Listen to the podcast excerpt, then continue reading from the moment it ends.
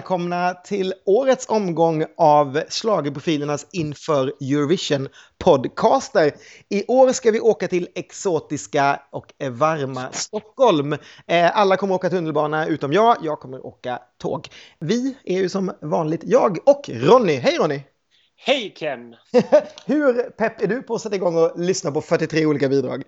Men jag är faktiskt ganska pepp. Jag har tagit det steg för steg och lyssnat in mig under, under resans gång. Så att jag låg ganska bra till där på halvvägs. Men, men sen så körde du om ordentligt och har mallat dig med kunskaper i flera veckor nu. Så nu känner jag att nu måste jag bara ge mig i kast med det här. Det är jag som inte har något, något liv mot slutet. när, ditt, när ditt liv drar igång på riktigt, det är då jag sätter mig och börjar lyssna på så här Maltas 50 bidrag och så vidare. Ja, nej men vi ska ju inte tycka om det här själva såklart, utan återigen så tänkte vi utmana SVT eh, med att ha den bästa tyckarpanelen och det är jag helt övertygad om faktiskt att vi har i år också. Vi har gjort ett lite annorlunda upplägg i år. Innan har det brukat vara jag och Ronny och två gäster. I år kommer vi ha en ständig Eh, medlem som tycker till tillsammans med mig och Ronny. En av våra absolut eh, bästa vänner. Schlagerprofilernas motsvarighet till ABBA och Stickan Andersson skulle man kunna säga. Sveriges bästa Mello och Eurovision-skribent och faktiskt enligt Wikipedia fortfarande flöjtspelare i popbandet Kissing Mirrors. Hanna Fahl, välkommen! Hallå, tack! ja, gud vad tidigt. Jag spelade sönder min tvärflöjt på Mirrors sista spelning för typ åtta år sedan. Så att eh, eh vi får, jag får uppdatera den där wiki-sidan någon gång. någon gång vill jag se Hanna hoppa in istället för Timotej-Lina. I någon sorts peruk med långt, långt hår. eh, vi hade ju ganska härligt förra året i Wien. Kommer vi ha det lika härligt i år? Ja, det kommer vi ha, va? Fast ni kommer bo hemma och jag kommer flöjta runt hos alla människor som bor i Stockholm men det, det blir mysigt med Stockholm, eller vad säger ni stockholmare? Ja, men det ska faktiskt bli mysigt. Särskilt, jag kunde inte vara med på Melodifestivalen någonting i år för att, eh, på grund av en ny baby. Eh, och hade det varit Eurovision i någon annan, något annat land hade jag nog inte kunnat vara med där heller. Så jag är jätteglad att det är i Stockholm just i år. Det blir toppen. Härligt, härligt. Men i den här första podden så ska vi givetvis ha en gäst också. Och eh, med fyra vinster i eh, Melodifestivalen och två brons i Eurovision och också faktiskt från och med i år med 30 bidrag i Melodifestivalen så har vi tagit tillbaka en av våra favoriter från förra året. Förra året så var han med och tyckte till, då var han lite nybörjare. Nu jobbar han typ med att tycka till hela tiden. Han är nämligen TV4s nya ankare i Idol-juryn. Fredrik Kempe! Ja! Wow, hej! Vilken respons jag fick! Kämpe! ja, ja, bra, tack, tack, tack. Ja. Det är ju så att man höjer sina krav när man blir så här flott som jag har blivit med Idol och det här, ni vet. Ja, hur, häl hur hälsar de dig i Idol egentligen? Stående ja, ovationer. Det är limousiner och stående ovationer hela tiden. Ja. Ljuvligt. vi, vi, måste ju å liksom, våra läsares eh, vägnar direkt fråga om Idol kommer vara snällare mot Melodifestivalen nu när du är med än vad det har varit innan. Ja men definitivt. Alltså, det finns en jättelust faktiskt i redaktionen som jag känner av att eh, hitta eh, liksom, paralleller och, och liksom, samband som har med just Melodifestivalen och Idol att göra. Så att, det är jag helt övertygad om faktiskt. Gud vad härligt. Man är, mm. För det är ju en härlig symbios mellan, liksom, även det, om det är kanaler ja. så finns det ju en kärlek till Idol på något sätt bland, när man oh, kommer ja. till Mello. Absolut, att, och vice versa från och med i år. Ah, gud vad härligt. Jag ser fram emot jättemycket. Jag har en ja. fråga. Jag vill veta om det är någon som har kommit på audition och sjungit en kämpelåt. Ja, faktiskt flera stycken har sjungit uh, Undo. Oh, okay. uh, och möjligtvis någon mer. Mm svår låt att försöka impa på dig med, tänker jag. Ja, det var så, men det var ett ganska lyckat försök. Jag kommer inte mm. ihåg om personen i fråga gick vidare eller ej, men uh, jag tyckte det var ganska lyckat. Jag skulle testat med Pam. Ja. Absolut sämsta låt. nej, men eh, på tal om dåliga låtar, eller på att säga nej, usch, ja. säga alls. Men vi, vi kör väl igång det här och, och tycker lite. Ja. Och ja. Eh, vi tänkte börja ganska nära Stockholm. Eh, så nära som vi kan komma Stockholm nästan. Vi tänkte börja med Finland. Mm. Säg då, ni. Japp, vi tar Ålandsfärjan över, eller Finlandsfärjan får det bli, till Helsingfors.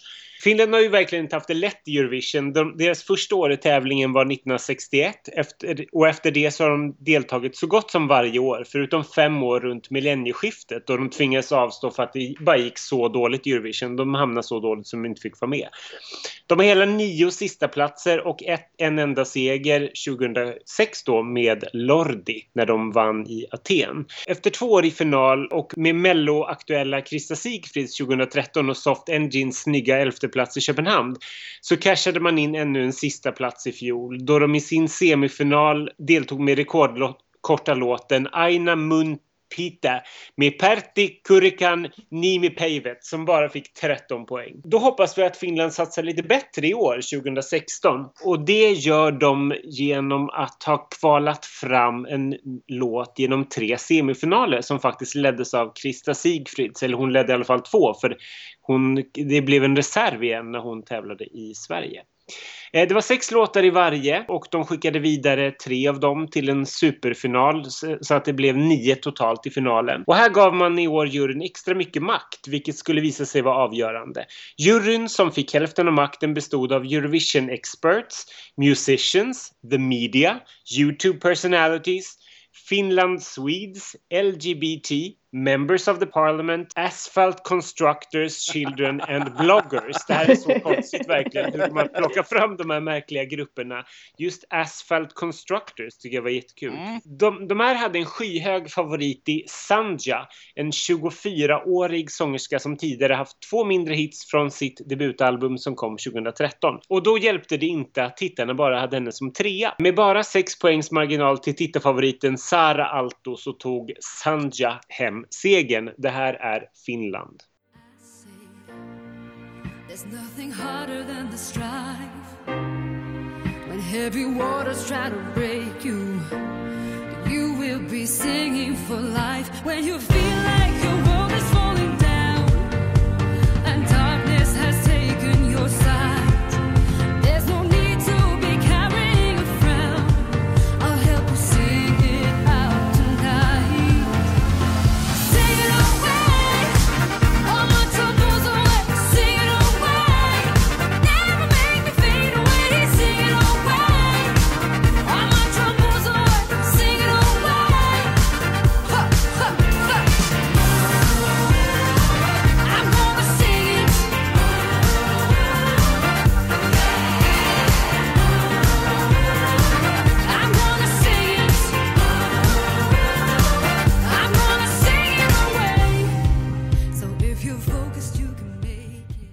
Finland, Fredrik. Vad säger mm. du?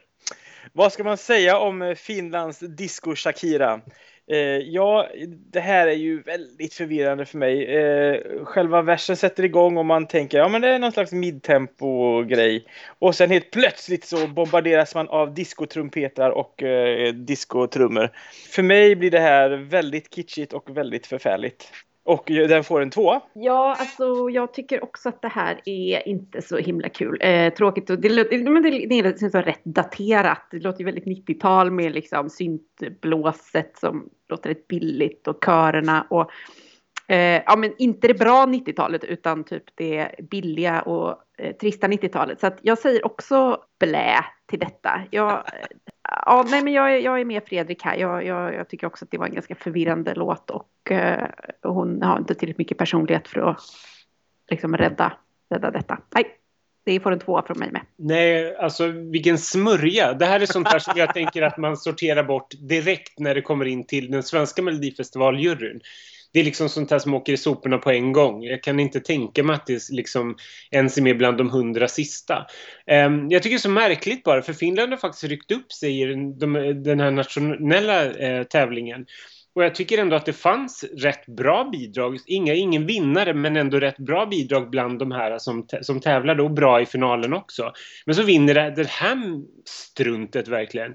Jag tror att de får det supersvårt att ta sig till final. Jag, eh, nej, det blir, inte, det blir inte mycket bättre än den här äh, låten från förra året tror jag. Det blir platt fall Finland. Jag sätter fan en etta på det här. Ja, jag har liksom inte så, vi är otroligt samstämmiga här. Jag tycker också att det är så här men, alltså, hitte, inte hittepå är det inte för det finns ju, men precis det, det Hanna sa, den här meningslösa delen av 90-talet, där vi helst vill glömma mm. bort den typen av musik. Och sen tycker jag, det, det sjuka är att varenda gång som den, som den sätter igång så tänker jag, men det här är något bra, jag har hört det innan. För, för versen är ju rätt schysst i början så här. Den här mittempo-grejen, man tänker att det kan bygga mot något. Och så är refrängen någonting helt annat och bara smörja. Nej, jag håller med allihopa. Jag tror inte att de kommer till final. Det fanns mycket bättre grejer. Men det finns faktiskt mycket sämre grejer också. Så den får en svag två av mig. Men det, det, det, det är jag när jag är snäll. Nej, men då åker vi lite söderut och hamnar i Grekland.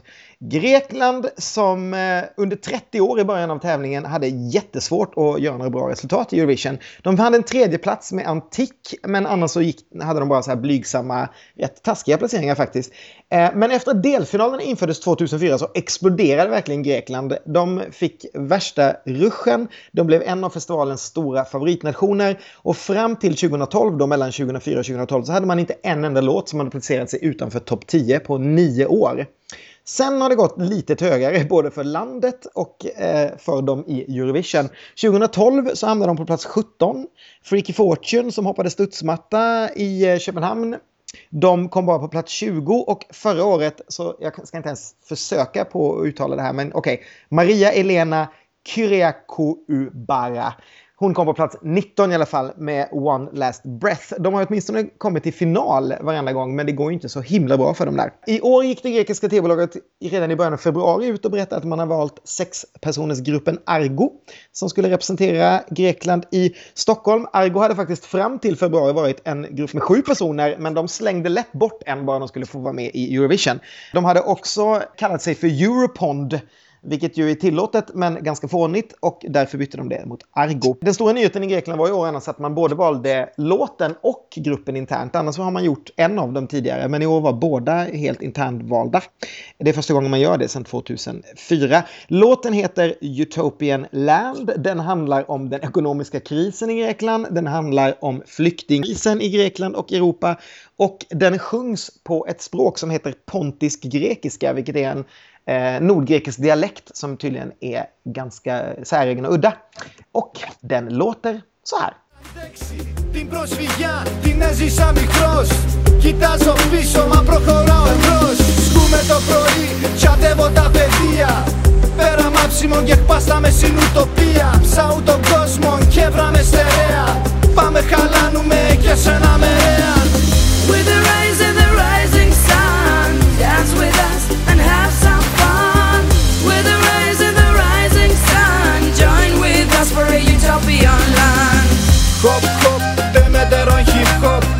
Πέρα με εισιτήρια και πάμε στο αέρα Μπορ Δύο ώρα σαν να μένουμε το Αλμπαχάρ. Βγάλω τα στύπα και ο κότσο νεύρα το κουκάλ. Κοπ, σαλούτ, παραγκάθα και ποτία.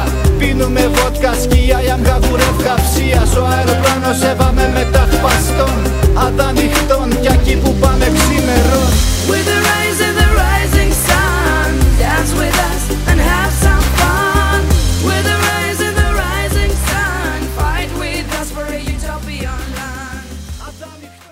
Ja, Hanna, blir det final i år igen för Grekland? eh, alltså, eh, det här är ju en sån så här klassisk misslyckad Eurovision mishmash-låt där man liksom, ja men de har knökat in lite så här inhemska traditionella tongångar, lite rap, det är någon schlagerrefräng, det är någon så här fairytale fiolriff. Och så bara knökar man ihop det och så tänker man så här, men det här låter, det här låter lite Eurovision, det här kommer säkert funka. Eh, men det gör ju inte det, det blir ju bara superrörigt som så ofta i dessa sammanhang. Den här, jag vet inte om ni alla har kollat den här officiella videon till den här låten. Eh, mm. Där en väldigt het man i skägg springer i slow motion i svartvitt med bar överkropp. Och det eh, är ändå en ganska skamlös, härlig eh, video. Men inte ens detta hjälper denna låt. Jag säger faktiskt att den får en etta i betyg. Men som sagt, det finns ganska mycket dåliga låtar eh, i år. Så att det är möjligt att den tar sig till finalen då. Jag vet inte. Ja, alltså med tanke på den ekonomiska krisen i Grekland så skulle jag nästan vilja påstå att de har gått all in för att lyckas med att absolut inte vinna. uh, vi har grekiska gangsta-rapverser och vi har de, den fantastiskt geniala frasen We are the rising sun, dance with us and have some fun. Uh, bland annat. Um, Uh, och bara det här faktumet att jag tror knappt att någon eh, grupp sedan eh, 90-talet har eh, vunnit Eurovision. Därför får ni ju rätta mig om jag såklart har fel. Men det är ju väldigt ovanligt att man lyckas med stora samlingar av människor som går och vinner. För mig är det här den absolut mest solklara ettan i detta startfält. Så att ja, en svag liten stackars etta får den till mig. Lordi vann ju som grupp. Ja, faktiskt. Men, men annars så är det, är det ganska ovanligt med, med grupper ja. som vinner, det, det, får man säga. Och ja, alltså, vi, är ju så, vi tycker ju väldigt lika just här, måste jag säga. För det här är också för mig, vad är det liksom? Vi, det här är ju verkligen hitta på när man trycker in saker som inte hänger ihop. Och, nej, nej, det här, det här är verkligen inte, inte min grej. Alltså blanda språk, blanda känslor. Hon sjunger som säger “Join us have some fun” och sen kommer han och rappar och det låter jättetungt. Nu kan jag ju inte ett ord vad han sjunger men med tanke på att det ska handla om flyktingkrisen så är det ju liksom Nej, nej, nej. Och jag tror faktiskt att det här kan bli första gången som de missar finalen. Jag ger det också en etta. Det här är inte min grej alls. Oh, jag vill prata mer om han i bara överkropp som Eller hur?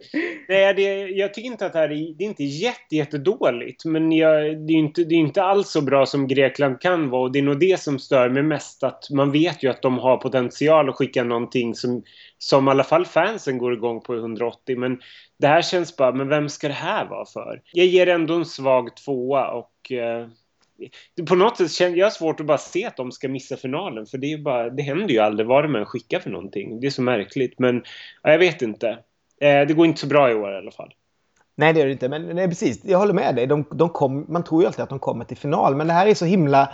Inte, de brukar ju alltid gå på glädje ändå. Eller också en kvinna som sjunger något dramatiskt. Det är det väl lite här också. Men det här är ju...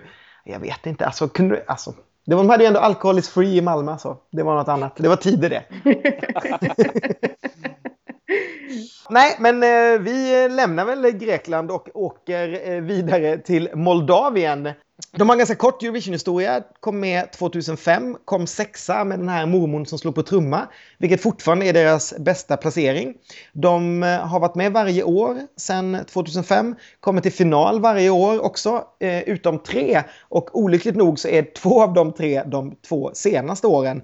Eh, till exempel kom de 11 i sin semi förra året med han Eduard Romagnata, eller Romagnuta som han hette, som eh, kom från Ukraina egentligen som det ryktades hade köpt in sig vinsten där i, eh, i Moldavien. Det gjorde också att man ändrade reglerna i Moldavien i år och att man var tvungen att ha eh, någon form av moldavisk anknytning som artist eh, om man skulle vara med och sjunga. Eh, man hade en live-audition för alla artisterna i december. Sen hade man två semifinaler som man klarade av snabbt samma vecka som finalen. Och sen hade man sin stora final som heter O Melodi Pentruy Europa. Där 16 bidrag tävlar om tv-tittarna och juryns gunst. Och efter en jämn final så knep tittarfavoriten vinsten. Hon var bara tre hos juryn och hon heter Linda Isak. Hon är 22 år. Hon har deltagit i en jäkla massa så här tv-sända talangjakter runt om i Östeuropa. Typ så här Kazakstans Idol och sådana märkliga saker. Hon har hållit på med det sedan hon var 13 och de tre senaste åren så har hon deltagit i den här eh, uttagningen i Moldavien för att försöka hamna i Eurovision. Men då som en del av tjejduon Glam Girls. Låter härligt. Nu försökte hon solo och vann. Och den här låten har ju lite svensk eh, anknytning. Den är skriven av Gabriel Alares och Leonid Gutkin. Eh, det var ju de två som skrev Rysslands bidrag What If i Malmö 2013.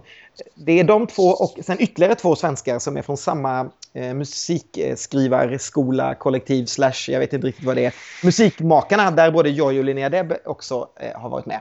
Nåväl, många kockar, så här låter soppan. to lay down. We could be the bridge.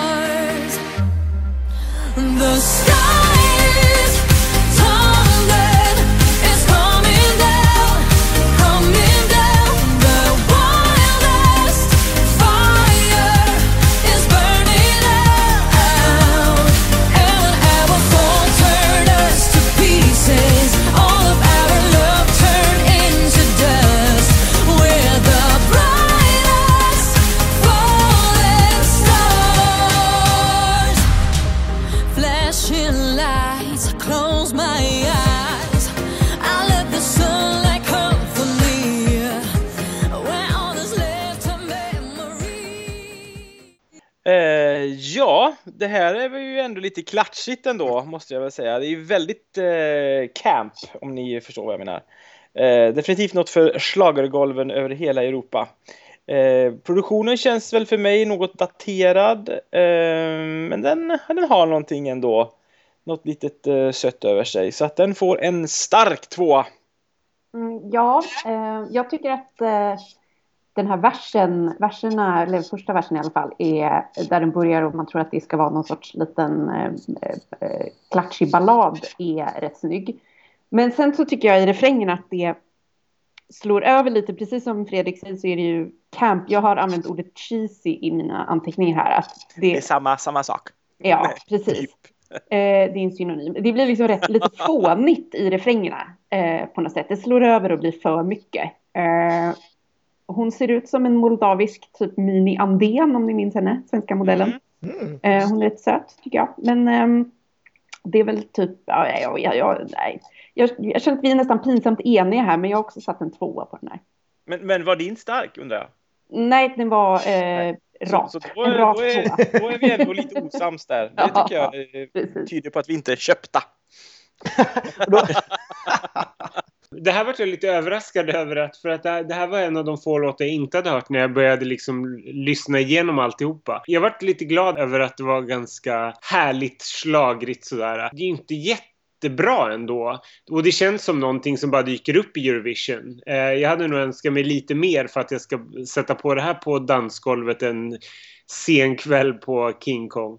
Men eh, nej, och att hon är snygg är ju alltid härligt. Om jag min, inte minns helt fel så var hon långhårig dessutom. Det blir extra poäng. Jajamän, det stämmer. Ronny. Jajebulla. Jag sätter nog en trea på det här tror jag. Eh, för jag tycker att det är rätt härligt. Jag, däremot är jag helt osäker på om det kommer gå bra. Det får vi se när man ser alltihopa. Men eh, en trea. Mm. Alltså jag känner att det, den här låten är med varje år. Och det är typ den här, som den här låten som du säger som man så här hör sist och som man bara, jaha, är den här också med?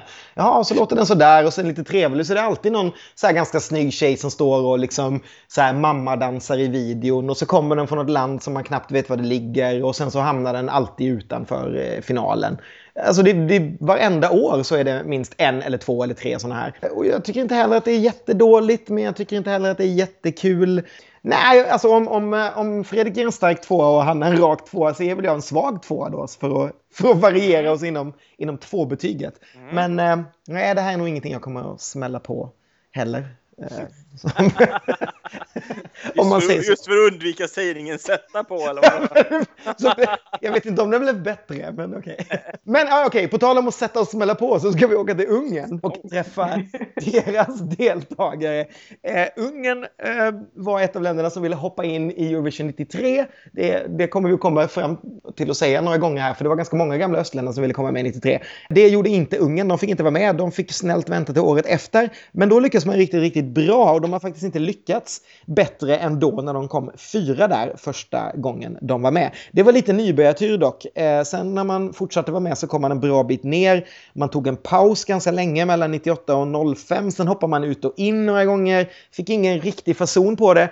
Sen testade man ett nytt format hemma som hette Adal och det första man vaskade fram var Katti Wolf. Hon gick ju inte så bra när vi väl kom till Düsseldorf men hypen det året var ganska stort kring henne. Hon var ju vinnarkandidat, hon vann fansens omröstningar. Vi älskar henne, vi älskar fortfarande låten och ungrarna älskade henne. Så eh, formatet Adal blev jättestarkt hemma och eh, det är numera en jättestor succé i samma eh, linje som just Melodifestivalen.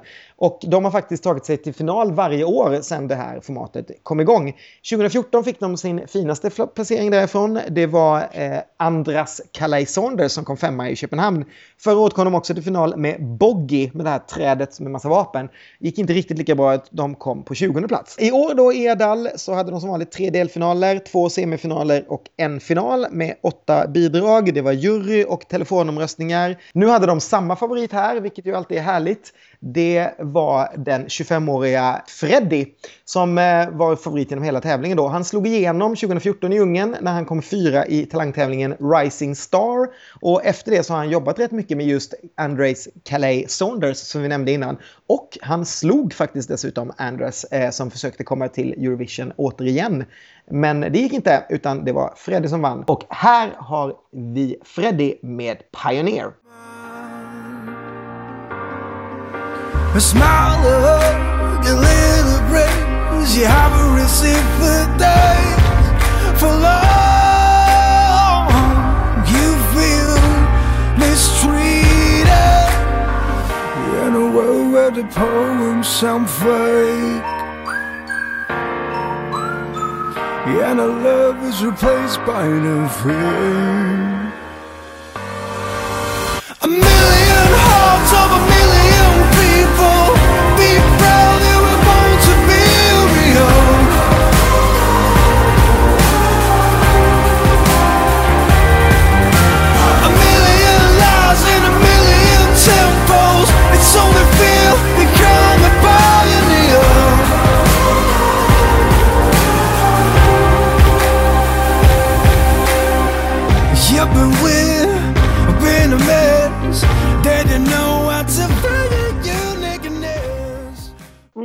Här har vi en uh, ungersk dressman-kille med en ungersk eh, dressman-låt typ. eh, och eh, eh, åtminstone i det liveframträdandet som jag har sett på Youtube så har han en jättetrumma. Eurovision! Och eh, så har han några som liksom visslar som också låtsas slå på trumma med glowstick. Eurovision! Jag vet inte riktigt. Det här är ju egentligen verkligen inte min kopp te och jag hatar egentligen den där typen av så här raspig, eh, så här skäggig kille-röst som den här Freddie har. Men jag eh, tycker ändå av någon anledning att den här låten är ganska catchy. Jag kommer på mig själv varje gång. Med. Jag tror att jag ska hata den varje gång jag sätter på den. Men så kommer jag på mig själv och gillar den lite ändå. Så att jag ger den en trea. Eh, ja, nu börjar det ju visa sig att vi är olika helt enkelt. Den här låten för mig är väldigt glömbar. Den är väl helt okej mixad och sådär. Låter ganska fräscht. En snygg sångare.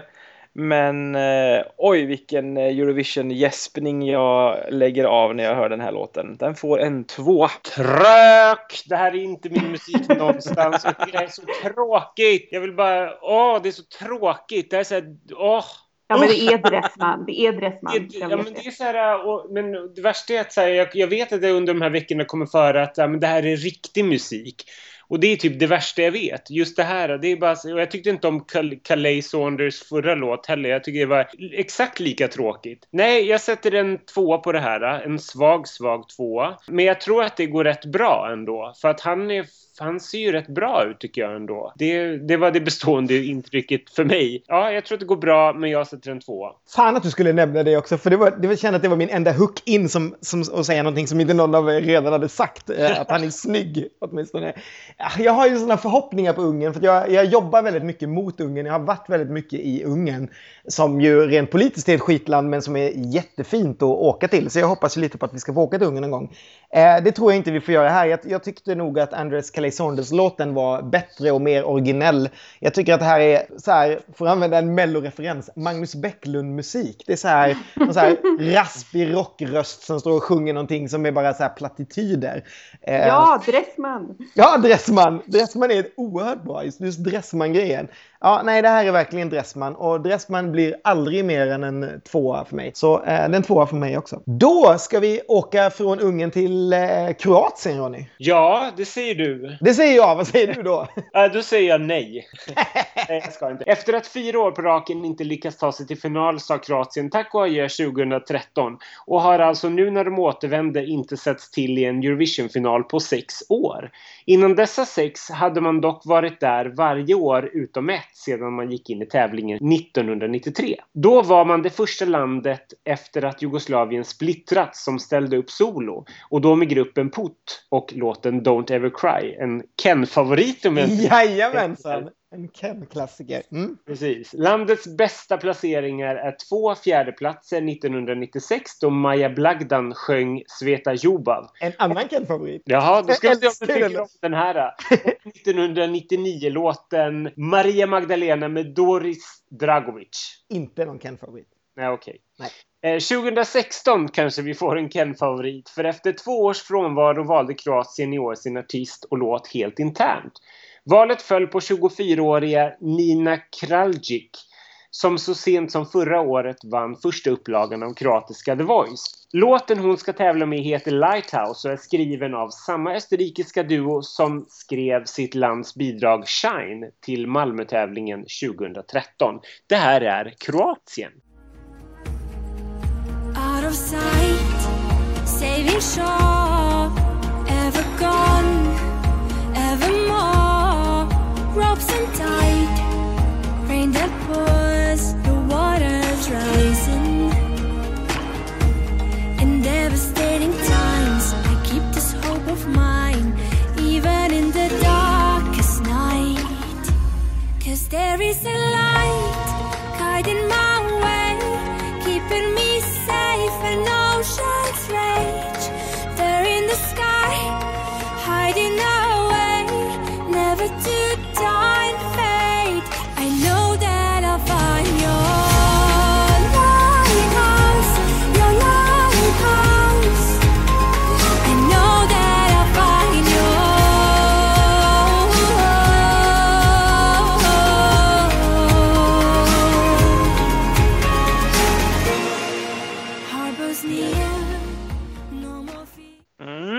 Lite Undiscover uh, rip-off där i refrängen. Uh, flöjtintro och uh, definitivt en text skriven av en icke-engelsk människa. Uh, midtempo såklart. Det här är ju inte riktigt min kopp te kan jag säga. Det blir alldeles för guldpluttigt och uh, småtråkigt så att den får en två. Alltså det låter så bisarrt irländskt det här. Eh, det låter ju typ som cranberries. Eh, och eh, Eh, det, det, behöver inte vara något dåligt. Jag gillar nämligen cranberries, eller gjorde en gång i tiden. Och jag är lite svag för det här också. Eh, jag har sett liveklipp där hon, eh, Nina Kraljic, har väldigt fint ljusblått hår. Hoppas hon har kvar det till Eurovision. Hon verkar sjunga bra live också. Jag tycker den här är mysig som sagt svag för Cranberries eh, rip-offen. Den får en svag fyra i betyg från mig. Uh, hoppla. Alltså jag har ju inte Cranberries. Nu var jag ingen större fan av Cranberries. Men jag har ju typ Emily de Forest. Det här är för mig så här. Och jag avskydde ju. Nej det gjorde jag inte. Jag avskydde inte det. Men jag förstod aldrig hur alla var så säkra på att den skulle vinna. Och så vann den. För mig är det liksom så här. Den här typen av så här märklig etno. Jag vet att folk vill få det till att nej, men det här är ju liksom Ellie Golding. Och ja okej okay, hon har någon sorts grej i rösten som påminner om Ellie Golding. Men Ellie Golding skulle ju aldrig sätta tänderna i det här. Det är ju så här jag vet inte, den är en så här jättefanfavorit. Den ligger rätt högt på bettinglistan. Jag tror att folk bara vill åka till Dubrovnik. Jag är inte alls så säker på att det här kommer gå så bra. För mig är det ganska okej. Okay. Så här, ja, nej, men det, det, jag stänger inte av det. Det tillhör inte de sämsta.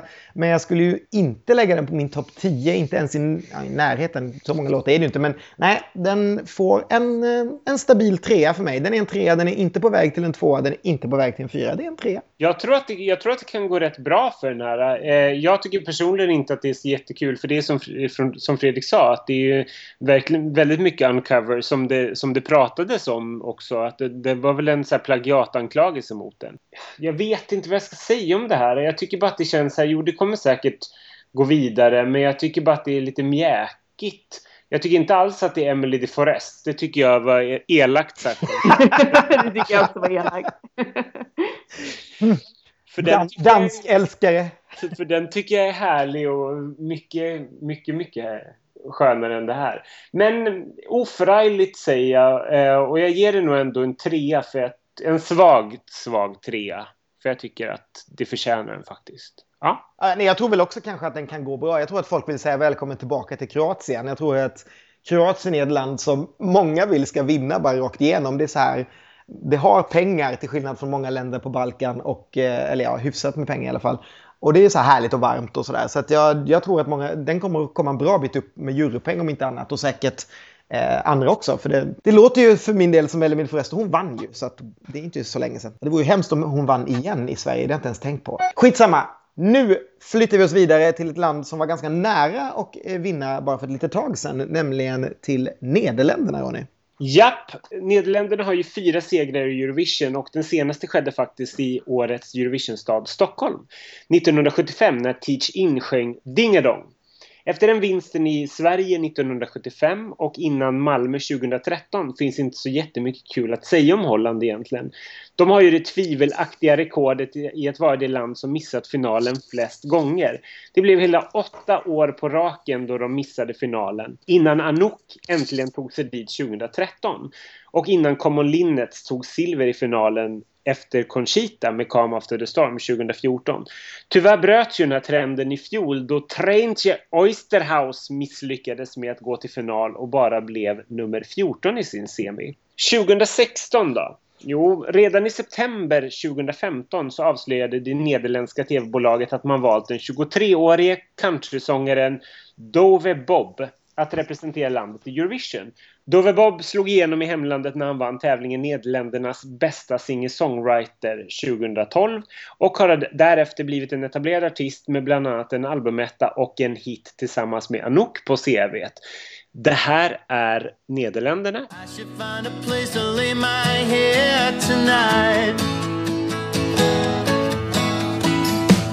Every morning there's another star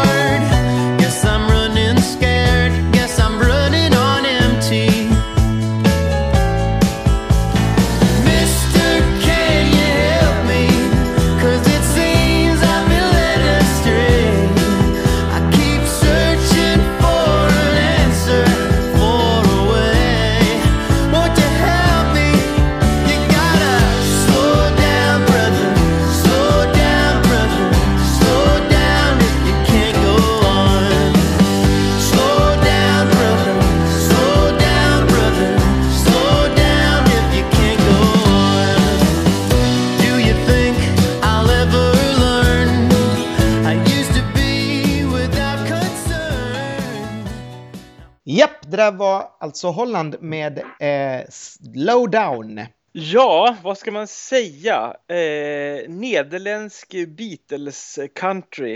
Eh, jag får lite feel good feeling och jag inbillar mig att låten egentligen är dansk. Eftersom deras låtar oftast brukar låta så här. Eh, för mig är inte detta speciellt kul alls. Så den får en två.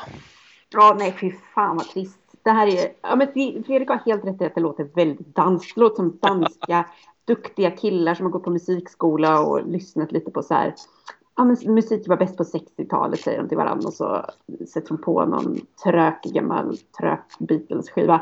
Eh, fruktansvärt tråkigt. Jag, får man sätta noll så sätter Ja, jag det får noll. man. Det här är min typ av, det här är min hatmusik. Ja, nej, jag, jag håller med föregående talare. Jag tycker inte heller att det här är kul. Det är bara jätte, jättetråkigt. Jag tycker att det är så sorgligt att Nederländerna var ju på väg tillbaka där. Även om inte jag gillade Anouk så var det ju liksom ett, ett, en, vilken uppryckning och att de, att de tog sig till final. Och sen med Common Linnet så trodde man ju att nu har de en vinnarvibb här liksom.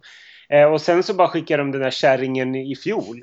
Och så skickar de det här tröket nu. Det här är ju bara så sorgligt. Eh, jag sätter, en, eh, jag sätter definitivt en etta på det här. Enda plusset, och nu kanske jag outar någon, men Deve Bob är faktiskt bisexuell. Mm. jag tycker det är lite intressant. Så att jag, eh, men det får han inga extra poäng för. Men jag En stark nolla då kanske. Ja, men- Lagom till Eurovision ska han vara homosexuell. I så fall. Säger, säger homoredaktören som absolut tror att alla bisexuella kan omvändas. Nej, men jag är som sagt en etta på det. Jag vet inte vad jag ska tillägga. Jag tycker också verkligen det är så här. Vad, vad, vad tänkte de egentligen alltså efter Anouk och, och Common Linnet? Började de tänka så här, ah, nu ska vi skicka starka, stora artister här. För de är ju ganska stora på hemmaplan de här artisterna. Och så tänkte de ingenting på hur låtarna lät. Utan det var så här, och låter vi dem skriva det de vill så kommer det gå jättebra. För de kommer vara så här starka och bla bla bla. Och sen så bara tänker man, fast ingen har någonsin hört talas om någon holländsk artist utanför ert land. Mer än en ok Så att varför skulle vi liksom bry oss om det här? Nej, det här är verkligen också jättesömnigt. Jag ska nog ändå ge den en tvåa, för jag tycker ändå att det är en svag tvåa. För jag tycker att det är ändå... Jag vet inte vad jag tycker, eh, varför jag ger det det, men jag tycker att det håller ändå på, på något sätt. Jag känner att jag tappade alla argument när du sa Beatles, för det blir typ det värsta jag vet när folk låter så här The Wallflowers eller de här hemska som var med i Mello. När de så här, vuxna män som vill låta som Beatles, det är det värsta jag vet. Ja.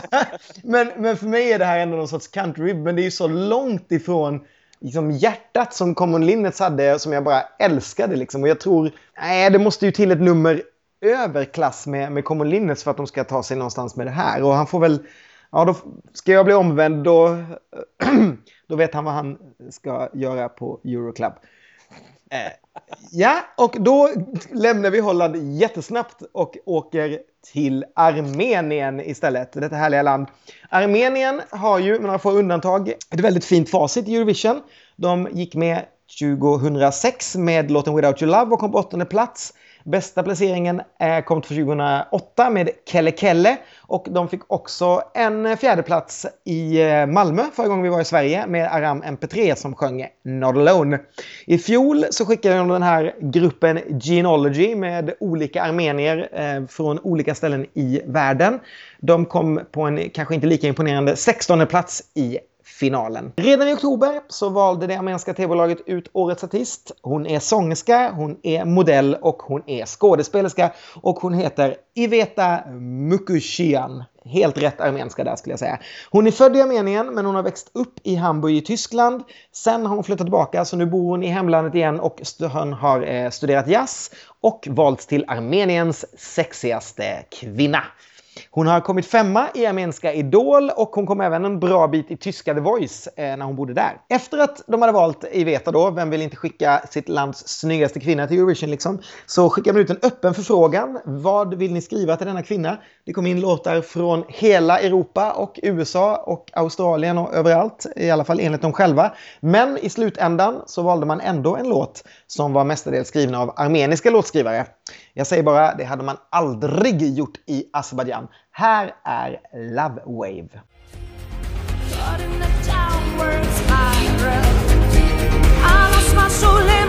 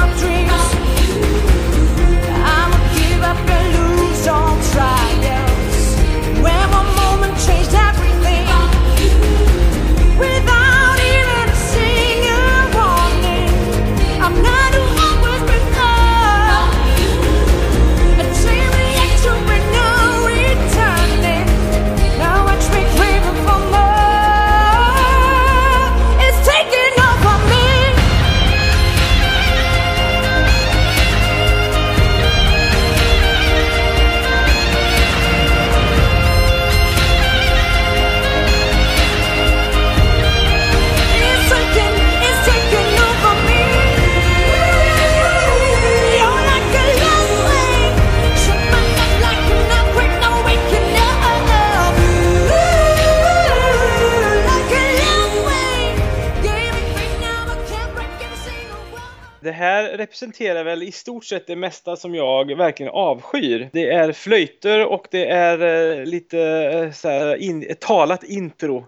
Och eh, jag vet inte vad hon sjunger om men det känns väldigt argt.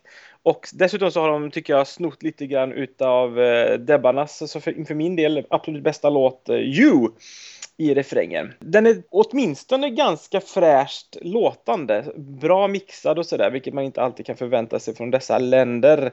Men den är helt enkelt skittråkig och får en två utav mig. Ja, det här är ju väldigt skrikigt och jobbigt att lyssna på.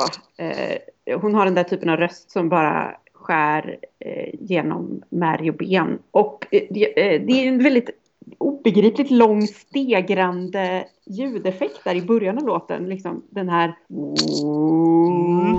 Som bara pågår och pågår och pågår. Jag antar, jag antar att det måste vara tänkt en här maffig effekt i scenshowen där. Men den är än så länge väldigt, väldigt obegriplig. Det här är väl inte det sämsta jag har hört i mitt liv, men en svag tvåa. Typ. Mm, alltså, det, jag håller med dig helt. Jag tycker att det här... Det, det måste ju finnas någon idé med det. För att det är ju liksom ingen låt. De har så här kopplat ihop olika element. Och sen den här fantastiskt fåniga flöjten som kommer in. Det är som att Armenien, de är så här, antingen måste de ha aprikoser eller också måste de ha den där flöjten. Det är så här, då kan vi sjunga på engelska liksom. Men, men annars, vi måste trycka in det här så att armenierna fattar att det är vi eh, som sjunger. Nej, det här är bara fjant för min del. Det gillar jag inte alls. Jobbigt, gapigt. Nej, nej, nej, nej. Ett. Jag har inte så mycket mer att tillägga eh, till det här. Jag tycker ni har sagt allting som jag har tänkt att man, man kan säga om det här. Jag tycker att det är så gapigt bara. Det är nog det värsta liksom, det kan vara i Eurovision-sammanhang tycker jag. När det bara, är- det bara så här, ska vara dramatiskt och gapigt och bara, det finns inget och det finns ingenting annat liksom i låten. Jag sätter bara en etta på det här och jag är lite inne på nolla men nej. En etta får det bli. Ja, Vi är hyfsat överens här idag måste jag säga. Mm. Det, det är lite, det är både bra och, och dåligt eller också är det bara en jäkligt eh, dålig del av semin. För att ja, det här ser ju inte bra ut med poäng hittills. Så vi får väl se om det blir bättre nu när vi ska åka till det minsta landet vi har att göra med, nämligen San Marino, Ronny. Ja men visst, San Marino, mitt favoritland som har skickat så mycket bra musik på sistone. San Marino är ju faktiskt Eurovision Song Contest senaste tillskott men de har sedan debuten 2008 bara tagit sig till final en enda gång. Det var 2014 när Valentina Monettas Maybe ramlade till final som sista låt från sin semi och hamnade tredje sist från slutet i finalen. Plats 24 i finalen är därmed landets främsta placering i tävlingen någonsin. Förra året var allting tillbaka som vanligt när barnen Michelle och Anita kom näst sist i sin semi och landet återigen saknades i finalen. Ska det då gå bättre 2016? Ja, vi får se. I år valde San Marino internt den 51-årige programledaren för turkiska Jeopardy. Vi kallar honom Serhat. Ett trevligt sätt att få tillbaka saknade Turkiet i tävlingen kanske. Eller så betalade Serhat bara lite mer än tyska Ralf Siegel som ju skrivit landets bidrag de senaste fyra åren. När första versionen av låten släpptes så gick det en våg av besvikelse genom Eurovision-fansen. Låten var ju trots allt skriven av Olkayato Ahmet Tugut, mannen bakom fanfavoriten Serkim Sevgi Ustune från 1987. Men det här lät ju bara som en Leonard Cohen-byrålåda. Landet parkerade sig stadigt i botten på oddslistorna och viss panik verkar ha uppstått i det sammarinska lägret. Som ett försök att blidka de arga massorna, alltså Eurovision-fansen som har börjat härja på olika sajter, så släppte man en ommixad discoversion av låten på Youtube och röster på sociala medier började genast kampanj om att man skulle välja den istället. Och i San Marino lyssnar man såklart på fansen. Så i slutet av mars togs beslutet ut med Leonard Cohen och in med Baccaradiscon i Eurovision igen. Det här är San Marino. Inside your mind and hide into your arms. I need you more and more each day. I've got to say, I am addicted. We'll sail together through the skies. Your eyes never told me lies.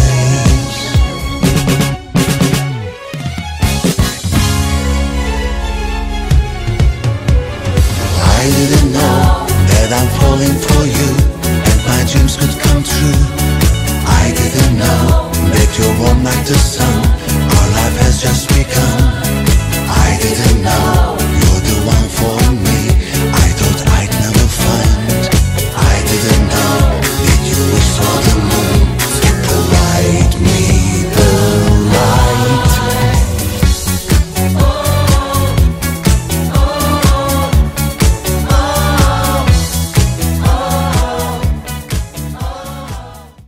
Didn't know kan man säga om det här.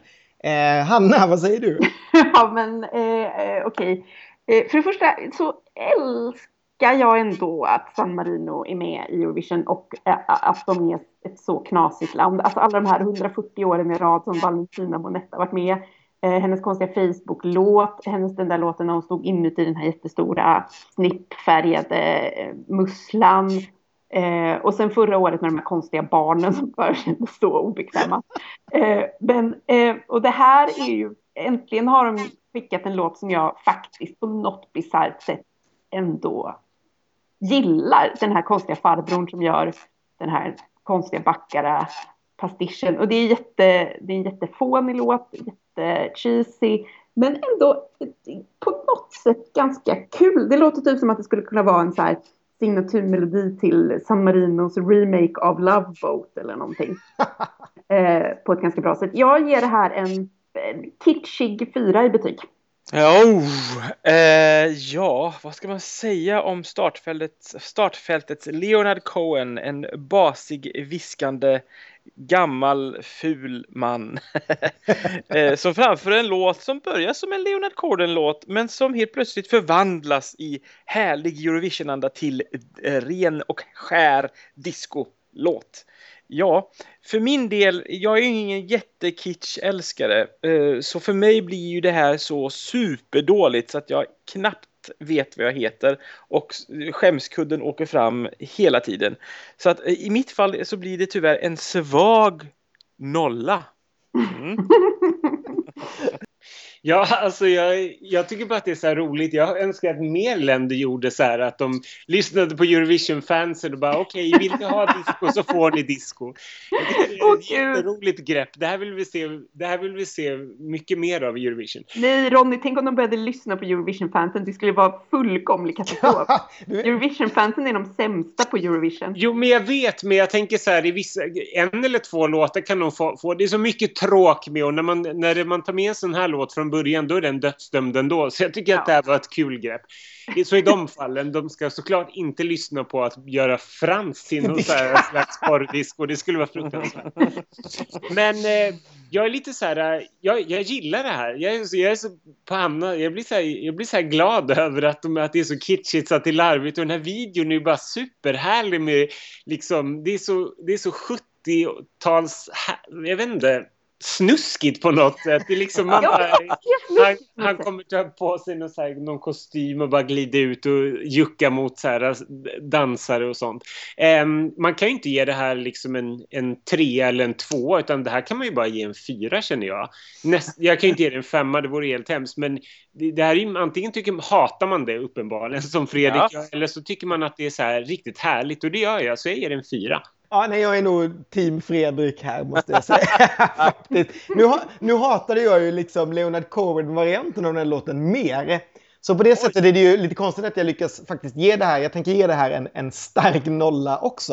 Eh, men jag tycker att, nej, för mig blir det så här. Det, det, det, det, jag är helt på annan linje än Ronny där. När man så här lyssnar på Eurovision-fansen, då har man verkligen nått skrapet i botten på tunnan. Liksom. För om länder började lyssna på dem, då vet jag inte riktigt vad Eurovision skulle låta som i, i slutändan. Nej, det är sant, liksom. men om något land ska lyssna på fansen så är det bandet med San Marino. Ja, men det är De är så knasiga ändå från början. Liksom. Jag vet ju att jag kommer stå där full på Euroclub med dig Hanna och bara dansa loss till den här när Ronny kör den. Liksom. Det, det är ju så det kommer vara för att man jag älskar ju gammal backara disco. Det, det är ju liksom jättehärligt. Blame it on the disco liksom. Men, men nej, det är, det är lite Nej, nej där, här går min gräns faktiskt. Jag, jag, nej, då funkar det inte. bra gräns att dra Kent. Ja, jag tycker också, då kan jag inte sätta liksom betyg på de andra låtarna om jag plötsligt ska tycka att det här är bra. Då blir, jag så här, då blir det något så här konstigt fel i mitt betygssystem.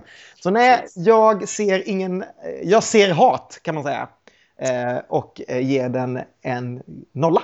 Ja, då är det bara ett enda land kvar som vi inte har mm. pratat om. Och det kan man ju prata ganska mycket om å andra sidan Ryssland. De kom med i EBU 94 och det de först ville var eh, att vara med i Eurovision. Så det fick man. Man var med i 94, man var med i 95, man var med i 97. Fick ganska dåliga resultat, blev arga, stannade hemma, funderade på vad man egentligen höll på med. Kom tillbaka som ett helt nytt Eurovision-land. Efter då när man kom tillbaka har man nämligen sopat hem en seger, Dimmy Bilan som bekant, fyra silver och två brons. Ryssarna har heller aldrig missat att ta sig till final via en delfinal. Man har lyckats varenda gång. Eh, efter vinsten så började man skicka lite mer så här halvhjärtade försök. 2011 så fick Alex Sparrow deras sämsta placering sedan 95 när han bara kom på en 16 plats i finalen. Men eh, det var som en väckarklocka och därefter har man varit tillbaka i gammal god form. Och man var ju på vippen att vinna i fjol när Polina sjöng A Million Voices till silverplats i finalen efter Måns. Och hon var faktiskt den första artisten någonsin som fick över 300 poäng i en final utan eh, att vinna. Så vad gör man då om man lyckas så bra? Jo, man satsar ännu hårdare på att vinna än någonsin tidigare. För 32-åriga Sergej Lazarev eh, är nämligen en enorm stjärna på hemmaplan. Han kickstartade sin karriär i eh, pojkbandet Smash som är Rysslands motsvarighet till 80-talets Wham här i väst. Wham hade ett utropstecken, Smash hade två obligatoriska utropstecken i sitt namn. De hade till och med en stor hit med George Michaels Faith. 2005 så gick de solo och det var bara Sergej som lyckades ordentligt. Han blev stor stjärna och har sedan dess dominerat de ryska listorna. Eurovision-bidraget är faktiskt hans 25 solosingel som har legat på listan där. Han har släppt fyra album, vunnit typ alla musikpriser man kan och han har faktiskt försökt en gång att ta sig till Eurovision innan just 2008 när eh, Dima Bilan vann och sen vann hela tjottaballongen. Sen dess har det också ryktats om, i alla fall bland fansen, att han skulle vara med i Eurovision. Men nu är det alltså dags. Och låten då, den är skriven av ett gäng väldigt meriterande internationella Eurovision-rävar. Det är väl typ bara Fredrik som saknas skulle man kunna säga. Eh, John Ballard är där. Det är ju en, eh, han är väl inte svensk, han är väl britt, men han tävlade ju redan i Mello vid 83-84. Filip Kirkorov som väl har spelat in alla Fredriks låtar på ryska. Största badboyen de har i musikindustrin där som bland annat har varit gift eh, med Alla Pugacheva. Ja, och sen har vi då greken Dimitris Konstapopoulos som får med sitt sjunde Eurovision-bidrag här någonsin och har bland annat skrivit Annie Loraks Shady Lady, eh, Azerbajdzjans tvåa Hold Me som var med i Malmö och som ni kanske kommer höra lite spår av snart, Sakis This Is Our Night 2009. Men det här är inte någon av dem. Det här är Sergej Lazarev med You Are The Only One. Everything we had is staying unbroken. No, you will always be the only one. You're the only one.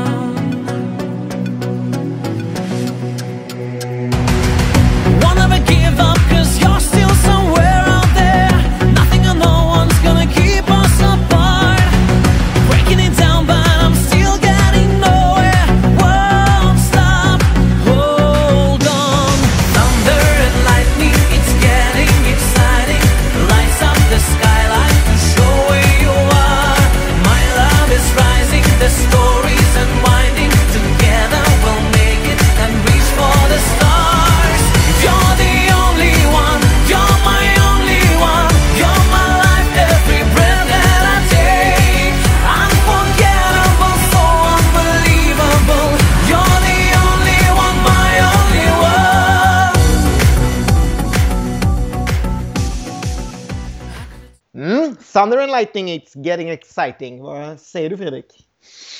Ja, det här är ju lite klurigt då eftersom jag är ganska god vän med Filip Kirkorov. Eh, så jag får gå på den här lilla eh, tunna linjen eh, med väldigt fina ballerinaskor här. Eh, den är ju ruggigt dramatisk. Eh, sångaren är jättesnygg och väldigt bra på scen. Jag har faktiskt även träffat Sergej när jag har varit i Moskva. Eh, och jag hoppas på en extremt påkostad och dyr scenshow. Vilket jag faktiskt tror att det kan bli fråga om här. Eh, det här är väl den enda låten som vi har hört idag som jag tycker eh, ligger snäppet upp och som nog faktiskt eh, till och med kan ha med eh, vinnarslutstriden att göra. Jag tror i alla fall på en topp 5 för eh, den här låten. Så frågan är vad jag ska slå till med. Jag har ju varit väldigt sparsmakad med mina betyg här idag. Så jag kanske drämmer till med en fyra. Ja, eh, det här är ju... Det, jag tror att det är väldigt många av oss eh, och av Eurovision-fansen som inte vill att Ryssland ska vinna av den enkla anledningen att ingen av oss egentligen tror att det skulle bli ett särskilt trevligt Eurovision 2017.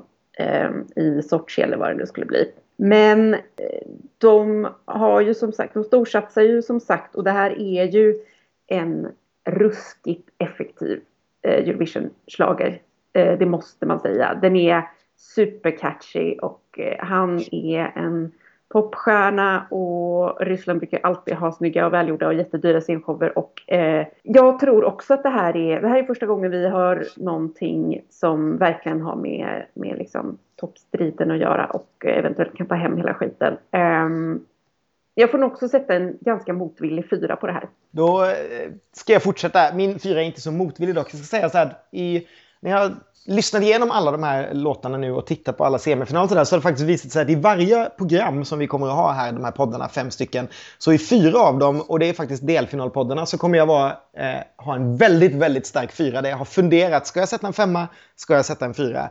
Och det har blivit fyror i alla programmen eh, faktiskt.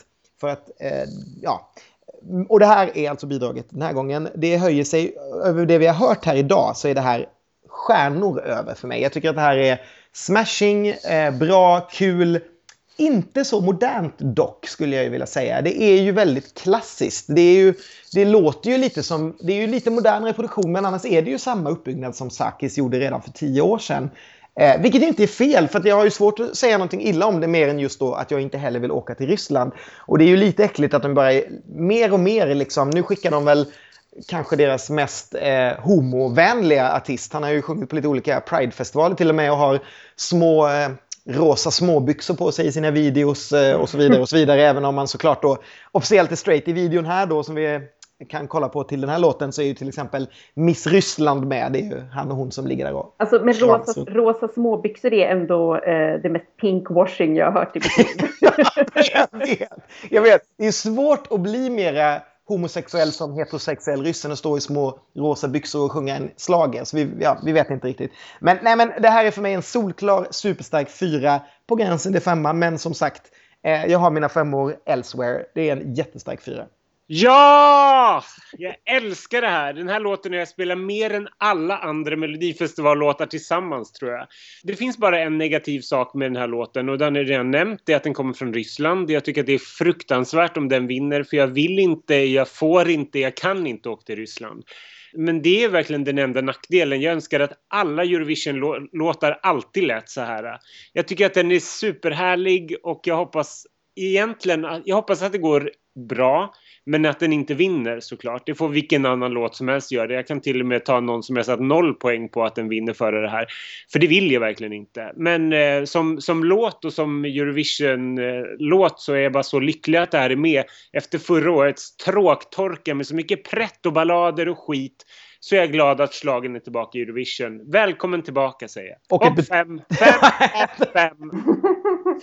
Det, alltså det är väl det enda, ifall den här går och vinner så, så är det ju svårt att ropa att slagen är död på något sätt. För att det är den ju verkligen inte. Alltså då får vi försöka återuppliva den i, i Mello. Möjligtvis har liksom Mello gått förbi vad Eurovision är på något sätt. Att vi har liksom lämnat bakom oss det som fortfarande vinner. Lite innan hade vi lämnat bakom oss och skickade sånt som hade vunnit för länge sedan. Då var vi så efter när vi, när vi höll på ett tag. Liksom. Och nu plötsligt så bara, sen kom Erik och bara swoosh, liksom svingade in oss i så här samtiden och bara satte liksom, Sverige har verkligen fingret med, vi skickade det som är rätt.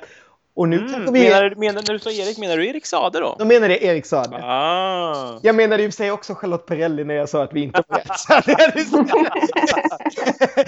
Där. om, om vi nu ska vara sån. Men, Ja. men, eh, men det på det sättet är det ju härligt. Men jag håller också med, gud, vi kan ju inte åka till Moskva. Vi får inte ens vara där. Speciellt inte för en homotidning. Och det blir väl så här, inte Moskva skulle det inte bli, det som du säger, det blir väl Sochi eller någonting. Men nej, då, jag håller med Ronny, vad som helst får vinna. Även, även Serhat får vinna för min del om, om eh, inte Sergej vinner. Men han, det här lär ju vara topp tre. Det finns ju inte en Janne att det kommer lägre än topp tre, det är jag helt säker på. Och, och han kommer ju definitivt att vinna den här semin tror jag. Jag tror inte det finns Ja, någonting annat som hotar den här vinsten här.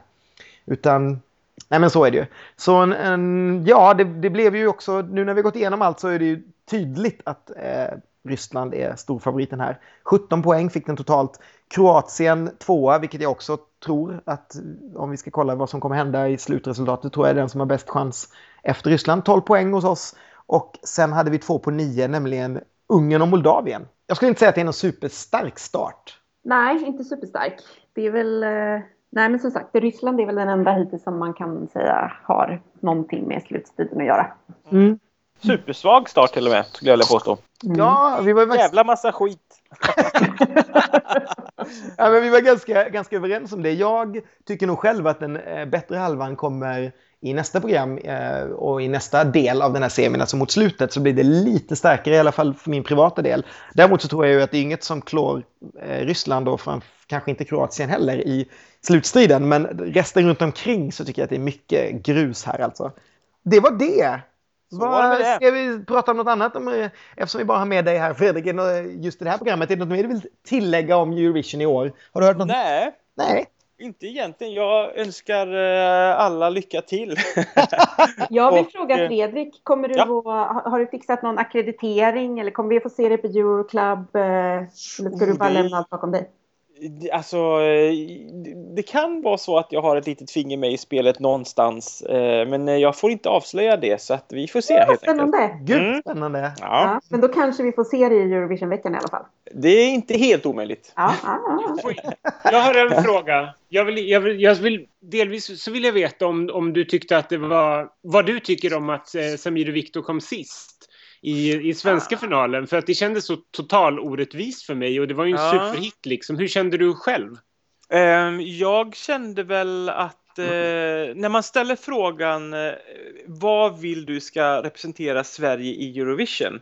Då förstår jag att de kom sist för att det är en låt på svenska, det är eh, så att säga inte, eh, ja, det är inte sångare som kanske i vanliga fall brukar vara på topp i just Eurovision-sammanhang. Så att jag tyckte inte det var helt ologiskt eh, och vi har ju så att säga, vi är ju den i alla fall näst mest eh, streamade låten efter Frans så att det är ju fortfarande en jättestor hit ju. Mm. Och vissa låtar är med för att fylla en funktion av någonting annat än att vara vinnarkandidater. Och eh, det var definitivt den här tror jag. Jag måste säga att det var, det var, grabbarna var ju...